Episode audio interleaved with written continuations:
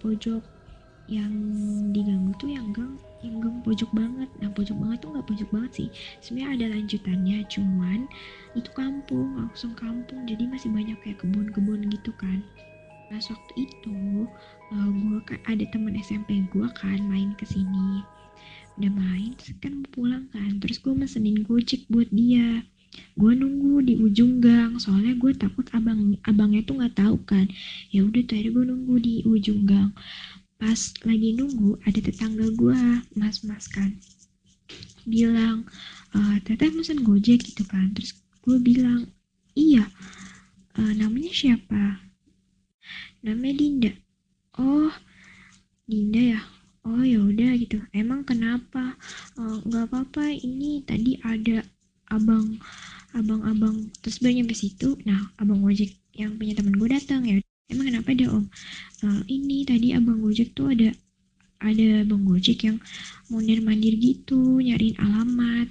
Nah, terus aku bilang kan alamat itu mah ada tapi di sini. Tapi orangnya tuh pas disamperin ke rumahnya tuh orangnya nggak mesen dan nggak ada. Awalnya tuh nunjukin ke rumah misalkan rumah ibu siapa gitu. Tapi namanya tuh bukan atas nama si ibu itu gitu loh. Jadi kayak namanya terus ditanyakan namanya siapa? gitu kan. Namanya si cantik. Terus habis itu ah si cantik tuh nggak ada di sini gitu kan.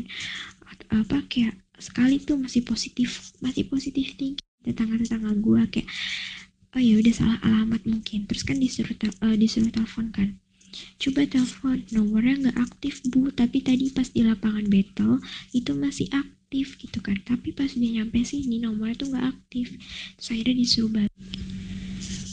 Pas uh, besoknya biasa kan ada yang tukang nasi uduk tuh.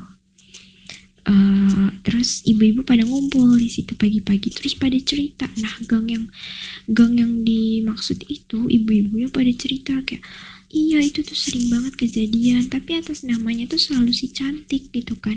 Nggak tahu tuh selalu si cantik sampai yang paling parah tuh ada bang gojek di jam 12 malam.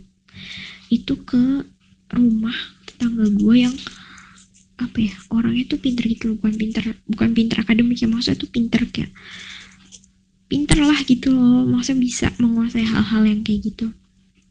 Terus abis itu uh, pas di, itu pas di depan rumahnya terus siang bapak-bapak yang punya rumah ini keluar itu kan nyari siapa mas gitu kan.